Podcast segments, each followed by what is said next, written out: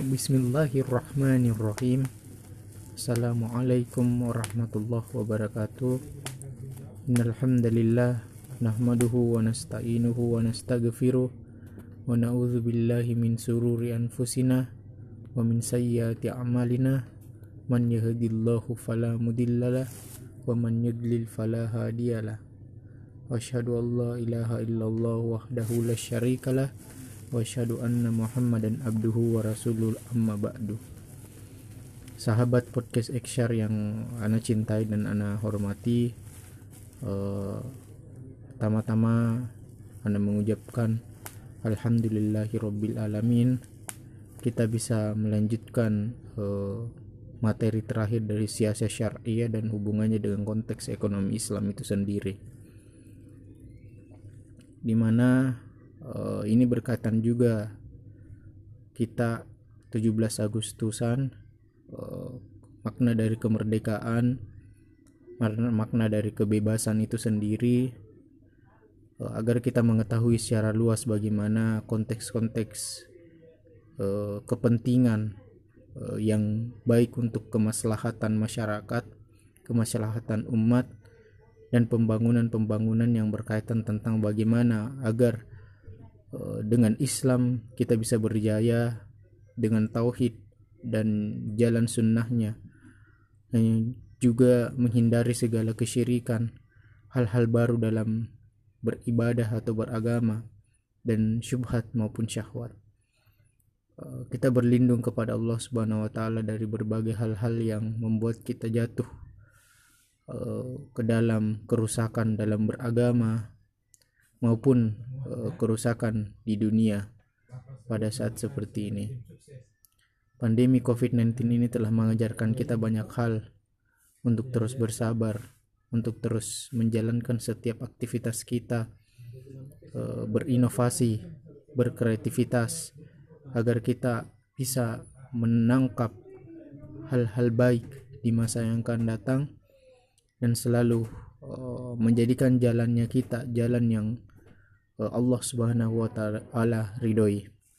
Inilah uh, episode 4 episode 5 afwan yang menjadi episode terakhir dari siasat syariah dan insya Allah bukan uh, ini awal afwan ini awal dan bukan terakhir tapi ini uh, ter terakhir dari episode atau series pertama dari podcast Ekshar yang dilaksanakan oleh KC Voice Tembongaya Makassar.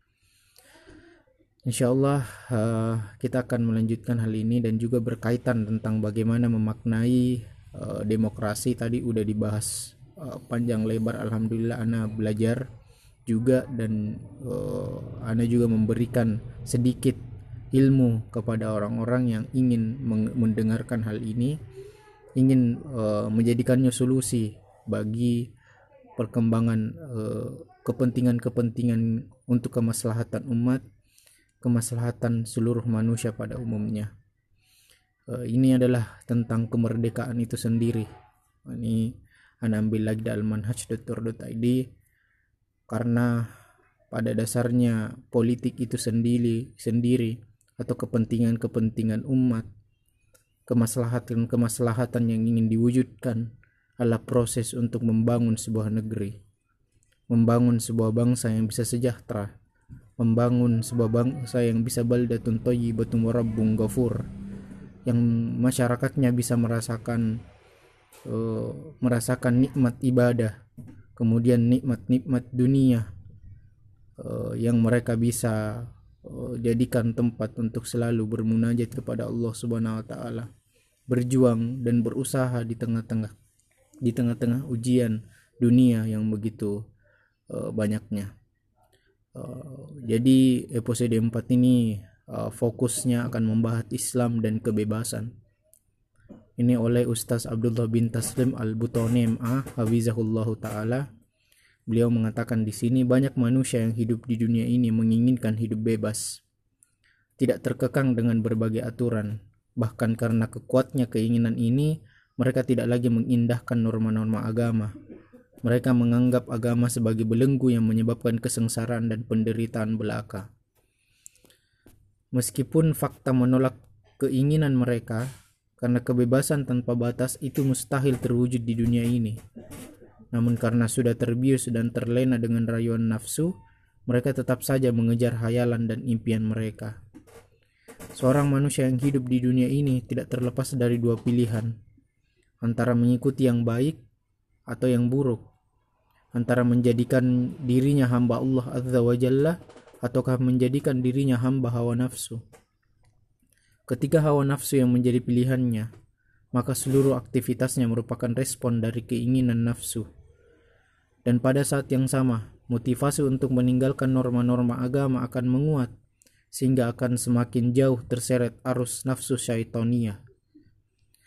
Ini merupakan sumber petaka terbesar bagi dirinya, karena hawa nafsu manusia selalu mengiring pengikutnya kepada keburukan dan kerusakan. Allah Azza wa Jalla berfirman, "Inna nafsal la marratung bisu'i illa marrahi rabbi." Sesungguhnya nafsu manusia itu selalu menyuruh kepada keburukan, kecuali nafsu yang diberi rahmat oleh Rabbku. Yusuf surah ke-12 ayat 53. Dan firmannya, walawit tabahal haqqu ahwa'ahum lafasadatis sama watu wal ardu waman fihinna bal atainahum bidzikrihim fahum an dzikrihim mu'ridun.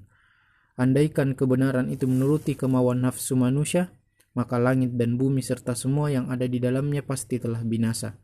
Sebenarnya kami telah mendatangkan kepada mereka peringatan untuk mereka yaitu Al-Quran akan tetapi mereka berpaling dari peringatan tersebut. Al-Mu'minun surah ke-23 ayat 71. Juga firmannya wala tutih man akfalna qalbahu an dzikri wattabaha hawa wa kana amruhu furuta dan janganlah kamu mengikuti orang yang telah kami lalaikan hatinya dari mengingat kami, serta menuruti hawa nafsunya, dan semua urusannya menjadi rusak atau buruk. Al-Kahfi surah ke-18 ayat 28 Arti kemerdekaan atau arti kebebasan yang hakiki berdasarkan keterangan di atas dapat dipahami bahwa kebahagiaan yang diidam-idamkan oleh para pengusung kebebasan tanpa batas tidak akan bisa diraih sebab kebebasan dengan meninggalkan apalagi melecehkan norma-norma agama Islam hanya akan mendatangkan penderitaan serta membuat hati benar-benar terbelenggu. Jika demikian kondisinya maka gundah, susah, sedih, dan lain sebagainya akan menjadi akibat yang tidak terelakkan. Allah Azza wa Jalla berfirman, "Wa man na'rada an dzikri fa inna lahu maisatan danqa wa nasuruhum yaumal qiyamati a'ma." Dan barang siapa yang berpaling dari peringatanku, maka sesungguhnya dia akan merasakan kehidupan yang sempit di dunia. Dan kami akan menghimpunkannya pada hari kiamat dalam keadaan buta. Toha surah ke-20 ayat 124.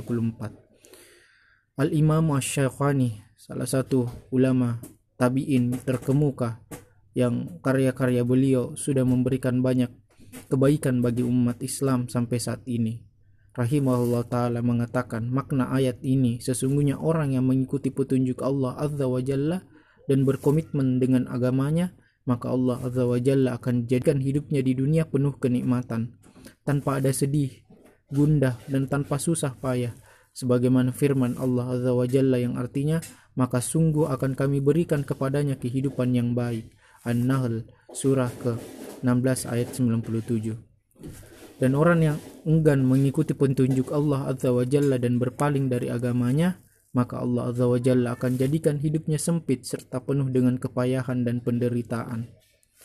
Bersamaan dengan semua penderitaan yang menimpanya di dunia, maka di akhirat kelak dia akan merasakan penderitaan, kepayahan dan kesempitan hidup yang lebih berat lagi. Allah Azza wa Jalla juga menegaskan bahwa kebahagiaan atau kemerdekaan hidup yang hakiki hanyalah akan dirasakan oleh orang yang berkomitmen dengan agamanya dan tunduk kepada hukum-hukum syariatnya. Allah Azza wa Jalla berfirman, "Man amala min dzakarin aw untha wa huwa mu'minun falanuhayyanna falanuhyiyannahu hayatan thayyibah walanajziyannahum ajrahum bi bi ahsani ma kanu ya'malun."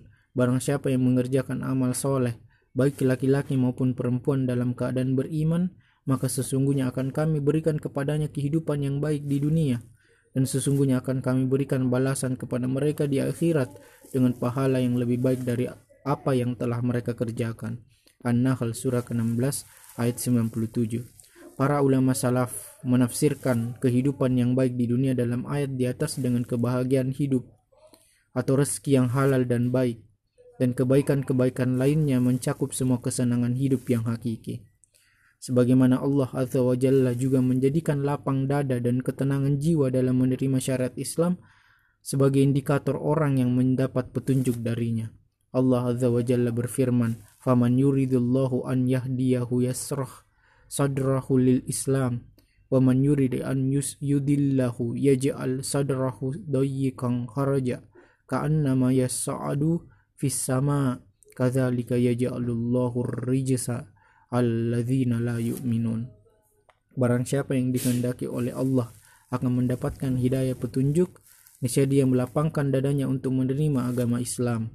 Dan barang siapa yang dikehendaki sesat, niscaya Allah menjadikan dadanya sesak lagi sempit, seolah-olah ia sedang mendaki ke langit.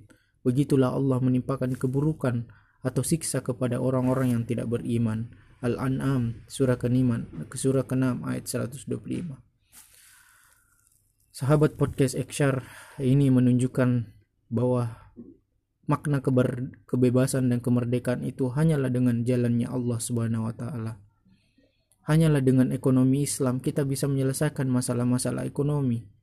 Tidak lagi memakai konteks ekonomi-ekonomi yang berbasiskan kepada pemikiran manusia yang pada dasarnya lemah dan tidak sempurna. Dengan demikian, melepaskan diri dari aturan-aturan agama Islam dengan dalih kebebasan berarti hanya akan menjebloskan dirinya ke dalam penjara hawa nafsu dan belenggu setan yang akan mengakibatkan kesengsaraan dan penderitaan yang berkepanjangan di dunia maupun di akhirat. Syekhul Islam Ibnu Taimiyah rahimahullah taala mengungkapkan hal ini dengan bahasa yang indah dalam ucapan beliau. Al-mahbusu mana mana habasa qalbahu an rabbihi ta'ala wal ma'asuru man asarahu hawa. Orang yang dipenjara adalah orang yang terpenjara terhalangi hatinya dari Robnya Allah. Dan orang yang tertawan terbelenggu adalah orang yang ditawan oleh hawa nafsunya. Dalam hal ini para ulama mengumpamakan kebutuhan manusia terhadap petunjuk Allah Azza wa Jalla dalam agamanya seperti kebutuhan ikan terhadap air Mungkinkah ada ikan yang bisa bergerak bebas dan bertahan hidup dalam waktu yang lama tanpa air? Jika tidak, maka begitu pula dengan hati manusia. Hati tidak akan bisa hidup tenang tanpa bimbingan dan petunjuk dari Allah Azza wa Jalla. Tauhid membebaskan manusia dari penghambaan kepada makhluk. Landasan utama Islam adalah tauhid. Tauhid artinya memurnikan ibadah dan penghambaan diri hanya kepada Allah Azza wa Jalla semata dan berpaling dari penghambaan diri kepada selainnya. Ini merupakan bukti terbesar yang menunjukkan adanya kebebasan yang hakiki dalam Islam. Ini juga menunjukkan makna kemerdekaan yang yang sempurna dalam menanggapi setiap masalah dan problematika manusia pada saat ini. Betapa tidak orang yang benar-benar meyakini dalam mengamalkan tauhid dalam hidupnya, maka dia akan terlepas dari semua belenggu penghambaan diri kepada makhluk yang tidak punya kemampuan untuk memberikan manfaat maupun mendatangkan bahaya kepada dirinya. Dengan demikian berarti dia telah menghambakan diri kepada Allah Azza wa Jalla yang memiliki segala kebaikan dan dialah satu-satunya pencipta, pemberi rezeki dan pengatur alam semesta ini. Inilah makna ucapan salah seorang sahabat yang mulia bernama Ri'bi bin Amir radhiyallahu anhu ketika ditanya salah seorang pembesar kafir, seruan dakwah apakah yang kalian bawa? Beliau menjawab, Allah yang mengutus kami untuk mengeluarkan membebaskan siapa yang dikehendakinya dari penghambaan kepada makhluk menuju penghambaan diri kepada Allah semata dan dari kesempitan belenggu dunia menuju ke lapangannya serta dari kezaliman aturan agama-agama selain Islam menuju keadilan Islam. Di samping itu, setiap orang dilahirkan di dunia ini dengan membawa kecenderungan untuk menghambakan diri dan tunduk kepada sesuatu. Jika kecenderungan ini tidak diarahkan kepada penghambaan diri yang benar, yaitu kepada Allah Azza wa Jalla, maka dengan mudah setan akan menggiringnya supaya menjadi hamba bagi hawa nafsunya. Allah Azza wa Jalla berfirman, "Afara'aita man ittakhadha ilahahu hawahu adallahu Allahu ala ilmi wa khatama ala sam'ihi wa qalbihi wa ja'ala ala basarihi gisawatan faman yahdihi min ba'dillah afala tadhakkarun Maka pernahkah kamu melihat orang yang menjadikan hawa nafsunya sebagai sesembahannya dan Allah menjadikannya tersesat berdasarkan ilmunya dan Allah telah mengunci mati pendengaran dan hatinya dan meletakkan tutup di atas penglihatannya. Maka siapakah yang akan bisa memberikan petunjuk sesudah Allah membiarkannya sesat? Maka mengapa kamu tidak mengambil pelajaran? Al-Jatsiyah surah ke-45 ayat 23. Maksud ayat ini adalah pernahkah kalian melihat orang yang menjadikan apa yang sesuai dengan hawa nafsu sebagai agamanya? Sehingga apa pun yang diinginkan hawa nafsunya mesti dikerjakan. Karena dia tidak beriman kepada Allah, tidak mengharamkan apa yang Allah Azza wa Jalla haramkan, dan tidak menghalalkan apa yang Allah Azza wa Jalla halalkan. Cara beragamanya adalah apa yang diinginkan oleh hawa nafsunya, maka itulah yang dikerjakannya. Kerancuan dan jawabannya Orang-orang yang hatinya sakit berusaha mencari-cari dalih untuk mendiskreditkan Islam dan mengesankan bahwa aturan-aturan dalam Islam itu adalah belenggu yang mengekang kebebasan atau kemerdekaan manusia. Padahal kalau diperhatikan dengan seksama, semua dalih yang mereka kemukakan justru membantah pemahaman mereka dan bukan mendukungnya. Syubhat pertama, dunia adalah penjara bagi kaum mukmin. Di antara dalih yang mereka kemukakan adalah sabda Rasulullah Sallallahu Alaihi Wasallam yang mereka pahami dengan keliru. Ad-dunya sijunul mu'mini wa jannatul kafiri. Dunia ini adalah penjara bagi orang yang beriman dan surga bagi orang kafir. Jawab. Penafsiran yang benar dari hadis ini ada dua seperti yang kata yang dikatakan oleh Ibnul Qayyim rahimahullah dalam kitab Bada'iul Fawaid 3 uh, eh, halaman 696 yaitu pertama Orang yang beriman di dunia ini, maka keimanannya yang kuat bisa menghalangi dia untuk memperturutkan nafsu syahwat yang diharamkan oleh Allah Azza wa Jalla. Sehingga dengan keadaan seperti ini seolah-olah dia hidup dalam penjara atau dengan kata lain dunia ini adalah tempat orang yang beriman memenjarakan menahan hawa nafsunya dari perbuatan-perbuatan yang diharamkan oleh Allah Azza wa Jalla. Berbeda dengan orang kafir yang hidup bebas memperturutkan nafsu syahwatnya. Kedua, Dunia ini adalah penjara bagi orang-orang yang beriman dan surga bagi orang kafir. Ini jika dibandingkan keadaan dengan keadaan atau balasan orang yang beriman dan orang kafir di akhirat kelak. Karena orang yang beriman, meskipun hidupnya di dunia paling senang dan bahagia, tetap saja keadaan tersebut seperti di penjara jika dibandingkan dengan besarnya balasan kebaikan dan kenikmatan yang Allah Subhanahu wa taala sediakan baginya di surga di, di akhirat kelak. Dan orang kafir meskipun hidupnya di dunia paling sengsara dan menderita, tetap saja keadaan tersebut seperti surga jika dibandingkan dengan pedihnya balasan keburukan dan siksaan yang Allah Azza wa Jalla akan timpakan kepadanya di neraka atau di akhirat nanti. Jadi jelaslah bahwa hadis di atas sama sekali tidak menunjukkan apa yang mereka tuduhkan terhadap Islam. Bahkan sebaliknya hadis ini menjelaskan dengan gamblang keindahan syariat Islam. Syubhat kedua, Syariat Islam seperti kewajiban memakai jilbab merupakan belenggu yang mengekang kebebasan atau kemerdekaan, kemerdekaan kaum hawa. Mereka juga berdalih dengan beberapa hukum dan dalam syariat Islam seperti kewajiban memakai jilbab atau pakaian yang menutupi semua aurat, aurat secara sempurna bagi perempuan muslimah ketika berada di luar rumah. Mereka mengatakan bahwa jilbab merupakan belenggu yang mengekang kebebasan kaum hawa. Jawab, ini adalah syubhat yang bersumber dari orang-orang yang tidak tahu atau sengaja dihembuskan oleh orang-orang yang anti dengan Islam. Padahal kalau direnungi dengan hari tenang dan jiwa hati tenang dan jiwa yang bersih, dia akan bisa menangkap hikmah besar dan agung dalam syariat ini. Jilbab ternyata tidak seperti yang mereka isukan, namun justru untuk membebaskan dan menyelamatkan kaum hawa dari gangguan dan kejahatan orang-orang yang memendam keinginan buruk. Allah Azza wa Jalla berfirman, "Ya ayuhan nabiyyu qul li uthwajika wa banatika wa nisa'il mu'minina yudinina 'alaihinna min jalabibihinna." Dzalika adana an yu'rafna fala yu'zain wa kana Allahu ghafuran rahima.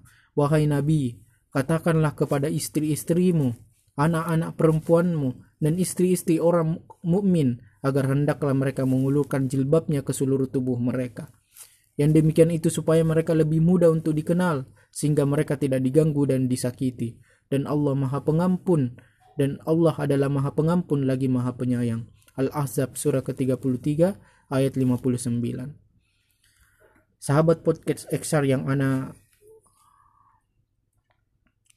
cintai dan Anda hormati. Inilah bukti dari makna sebuah kemerdekaan dan kebebasan itu sendiri. Islam memandang hal itu untuk kebaikan dan kemaslahatan umat, untuk kemaslahatan kita semua. Bukan sekedar berdasarkan kepada apa yang diturunkan Allah Subhanahu wa taala tidak sesuai dengan uh, manusia itu sendiri, tapi itu fitrah dari manusia itu sendiri. Syekh Abdurrahman As-Sidi rahimahullah taala mengatakan, ini menunjukkan bahwa gangguan atau bagi wanita dari orang-orang yang berperangai buruk akan timbul jika wanita itu tidak mengenakan jilbab yang sesuai dengan syariat. Karena jika wanita tidak memakai jilbab, boleh jadi akan ada orang yang menyangka bahwa dia bukan wanita yang afifah atau menjaga kehormatannya, sehingga orang yang ada penyakit atau syahwat dalam hatinya akan mengganggu dan menyakiti wanita tersebut, atau bahkan merendahkan dan melecehkannya. Maka dengan memakai jilbab yang sesuai dengan syariat, akan bisa mencegah timbulnya keinginan-keinginan buruk terhadap wanita dari orang-orang yang mempunyai niat buruk. Syubhat ketiga, tabir mengekang kebebasan kaum Hawa. Dalil lain, dalil lain yang mereka jadikan senjata untuk menyerang Islam adalah kewajiban memasang hijab atau tabir untuk melindungi kaum perempuan dari pandangan laki-laki yang bukan mahramnya. Mereka mengatakan bahwa ini merupakan belenggu yang mengekang kebebasan kaum perempuan. Jawab, Jawaban syubhat ini sama dengan jawaban syubhat yang kedua. Hikmah agung kewajiban memasang hijab atau tabir adalah justru untuk membebaskan atau membersihkan laki-laki dan perempuan yang beriman dari hal-hal yang bisa menyebabkan hati menjadi kotor dan berpotensi menimbulkan fitnah atau kerusakan. Jadi syariat hijab atau tabir antara laki-laki dan perempuan bertujuan untuk menjaga kesucian hati mereka. Allah Subhanahu wa taala berfirman, "Wa idza sa'altumuhunna mata'ang fas fas'aluhunna min wara'i hijab dzalikum atharu liqulubikum liqulubikum wa qulubihinna dan apabila kamu meminta sesuatu keperluan kepada mereka istri-istri Nabi maka mintal, mintalah dari ke belakang tabir. Cari yang demikian itu lebih suci bagi hatimu dan hati mereka.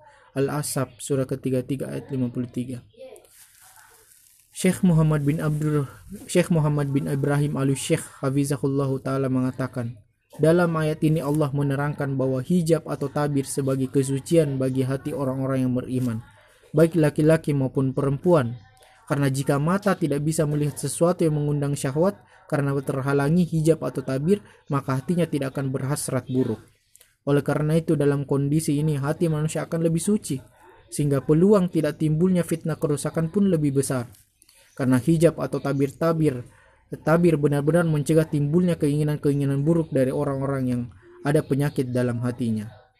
Nah, itulah yang membuat kenapa Islam sangat memberikan kebebasan bagi perempuan.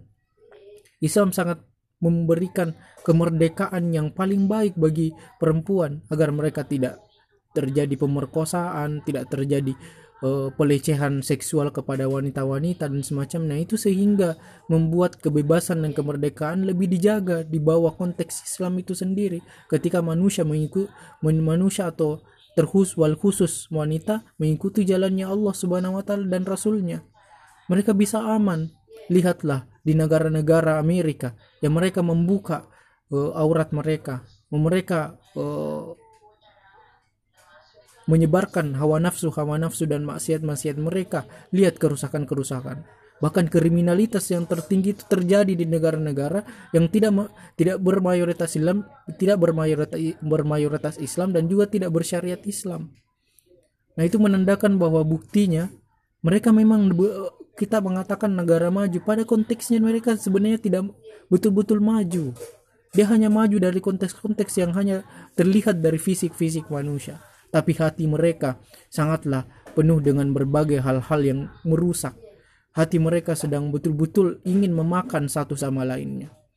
Nah, itulah juga kita bisa lihat dari konteks ekonomi Islam dan ekonomi konvensional yang betul-betul membuktikan bahwa konteks ekonomi konvensional atau ekonomi kapitalisme itu memberikan banyak kerusakan kepada setiap manusia dari sendi-sendi yang paling bawah masyarakat paling bawah sampai kepada sendi-sendi uh, masyarakat atas atau masyarakat paling atas. Nah itulah yang di mana inilah makna kemerdekaan dan kebebasan sejati. Kita sudah 76 tahun merdeka. Bebas dari segala penjajahan. Tapi kita masih betul-betul banyak hal yang masih terkekang. Banyak hal yang masih kita hati kita banyak uh, menutup diri dari hal-hal yang berada dalam Islam. Demikian penutup. Insya Allah ini yang jadi part satu ya. Insya Allah kita akan lanjutkan keterkaitan kemerdekaan itu sendiri uh, dalam konteks uh, ekonomi itu sendiri. Penutup. Demikian tulisan ringkas ini. Semoga bermanfaat bagi kaum muslimin untuk menyadarkan mereka akan hakikat keindahan ajaran Islam yang diturunkan untuk kemaslahatan hidup manusia bukan hidup hidup umat Islam saja tapi seluruh manusia Sedangkan semua ajakan yang menyimpang dari ajaran Islam pada akhirnya hanya akan menjerumuskan ke lembah sengsara dan derita berkepanjangan di dunia dan akhirat. Ya Allah, jadikanlah kami cinta kepada keimanan dan jadikanlah iman itu indah dalam hati kami serta jadikanlah kami benci kepada kekafiran, kefasikan dan kemaksiatan. Dan jadikanlah kami termasuk orang-orang yang mengikuti jalan yang lurus. Masya Allah. Alhamdulillahirabbil alamin. Inilah sedikit tulisan yang bisa memberikan nasihat kepada anak sendiri dan kepada siapa dan kepada sahabat podcast XR yang mendengarkan dan menyaksikan oh, podcast kasih voice tembongaya ini. Inilah makna sebuah kemerdekaan. Inilah sebuah hal yang Allah Subhanahu wa taala telah berikan dengan bentuk-bentuk kesempurnaan yang paling sempurna. Dan sumber dari uh, materi pada hari ini disalin dari majalah As-Sunnah edisi 4 sampai 5 tahun uh, 14 uh, tahun 14 mas 14 uh, 1431 Hijriah eh, 104 ya 104 uh, 2010 masih diterbitkan Yayasan Lajnah Istiqomah Surakarta Jalan Solo Purwodadi kilometer 8 Selokaton Gondong Gondang Rejo Solo 57183 telepon 0271858 197 fax 0271858 196 kontak pemasaran 085 2900 937 92 081 215 336 47 081 575 792961 redaksi 081 225 890 79. Nah, itu saja mungkin dari Ana terkait materi pada hari ini uh, bagaimana Islam memahami tentang kemerdekaan yang paling wal khusus pada maksud-maksud kebebasan? Agar kita selalu menjadikannya solusi bagi permasalahan ini dan kita tidak memilih lagi jalan-jalan yang di luar dari Islam. Karena pada dasarnya jalan-jalan di luar dari Islam itu hanya pada posisi-posisi yang akan menjerumuskan kita kepada berbagai kesengsaraan, penderitaan, kezoliman, kerusakan, ketidakadilan, dan berbagai hal-hal yang akan membunuh dan meng, e, mengekang hati-hati kita yang sebenarnya fitrahnya bebas ketika berada di, di atas jalannya Allah Subhanahu wa taala.